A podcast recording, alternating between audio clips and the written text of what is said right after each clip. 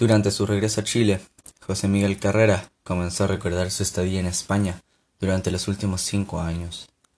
Estaba en un barco mirando hacia el horizonte, escuchando cómo las olas chocaban con el barco, y fijando sus ojos en el atardecer que se dejaba caer en el cielo, mientras su mente viajaba al pasado.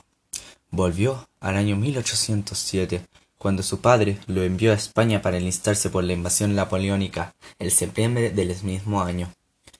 Cuando llegó a España estaba entusiasmado, ya que iba a poder formar parte del ejército. Al pasar de los meses pudo lograr una formación militar sólida, luchando por la causa hispánica durante la Guerra de la Independencia Española. Luego se inscribió en los Voluntarios de Madrid y los Husares de Farnesio, en la que participó más de veinte batallas como la ocupación de la ciudad de Mora, retirada en Consuegra, combates de Llévenes, Río Guardiana y la batalla de Talavera, en abril de 1809. Obtuvo el grado de capitán, aunque meses después fue herido gravemente en la batalla de Ocaña el 19 de septiembre de 1809. Producto de la herida, fue transferido a Cádiz, donde recibió la Cruz de Talavera, y fue ascendido al sargento del regimiento de husares en Galicia. En este momento, Cádiz tenía muchos problemas políticos por la futura creación de la Constitución. En esta ciudad, Carrera entró en contacto con Joaquín Fernández de Leiva y José de San Martín, quien era medio hermano de Manuel Rodríguez e íntimo amigo de José Miguel, y se encontraba ahí, en representación de Chile frente a las Cortes de Cádiz. Años después, San Martín escribió una carta en la que declara haber conocido varios jóvenes americanos interesados en volver a sus respectivos países para participar en el proceso de la independencia, ya que se agravaba, pese a ello, no mencionaba el nombre de ninguno de ellos. Más adelante, Carrera pidió permiso para volver a Chile, pero fue enviada a la prisión porque se pensaba que pretendía incorporarse a los sediciosos de la Junta de Gobierno, todo esto debido a la carta que había escrito José de San Martín. Cuando Carrera llegó a la cárcel, estaba extremadamente enojado y frustrado a tal punto que empezó a golpear bruscamente las paredes en la celda en la que se encontraba. Al pasar de las horas, se comenzó a calmar y trató de hablar con las autoridades, quienes no le hicieron caso.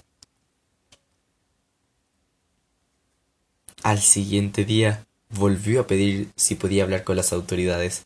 Antes de la reunión estaba muy alterado. Sin embargo, le respondieron que sí, con la única condición de que tenía que mantenerse tranquilo.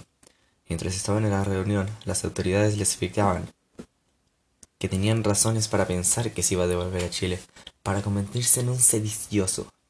A lo que Carrera, indignado, respondió que no, y que no tenía ninguna prueba de lo que estaban diciendo. Las autoridades le entonces a la carta que redactó San Martín y le dijeron que les parecía bastante sospechoso que él presentase un permiso para volver a Chile. Luego de una larga y exhaustiva conversación, Carrera tomó la, la decisión de renunciar al ejército, ya que era la única forma de que lo dejaran salir libre y que pudiera retornar a Chile. Salió libre mediados de abril y se dirigió a Londres, Inglaterra, en busca de un buque que lo pudiera llevar a América.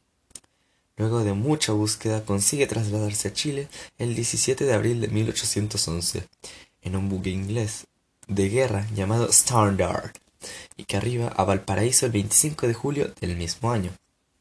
Adentrándose inmediatamente a la situación política que estaba viviendo el país, un par de meses después, específicamente el 4 de septiembre de 1811, toma parte del complot que lleva a la familia Larraín al gobierno. Posteriormente volvió a sublevarse, lo que le llevó a formar parte como representante de la provincia de Santiago, de la nueva Junta de Gobierno. El resto es solo la historia que todos conocemos.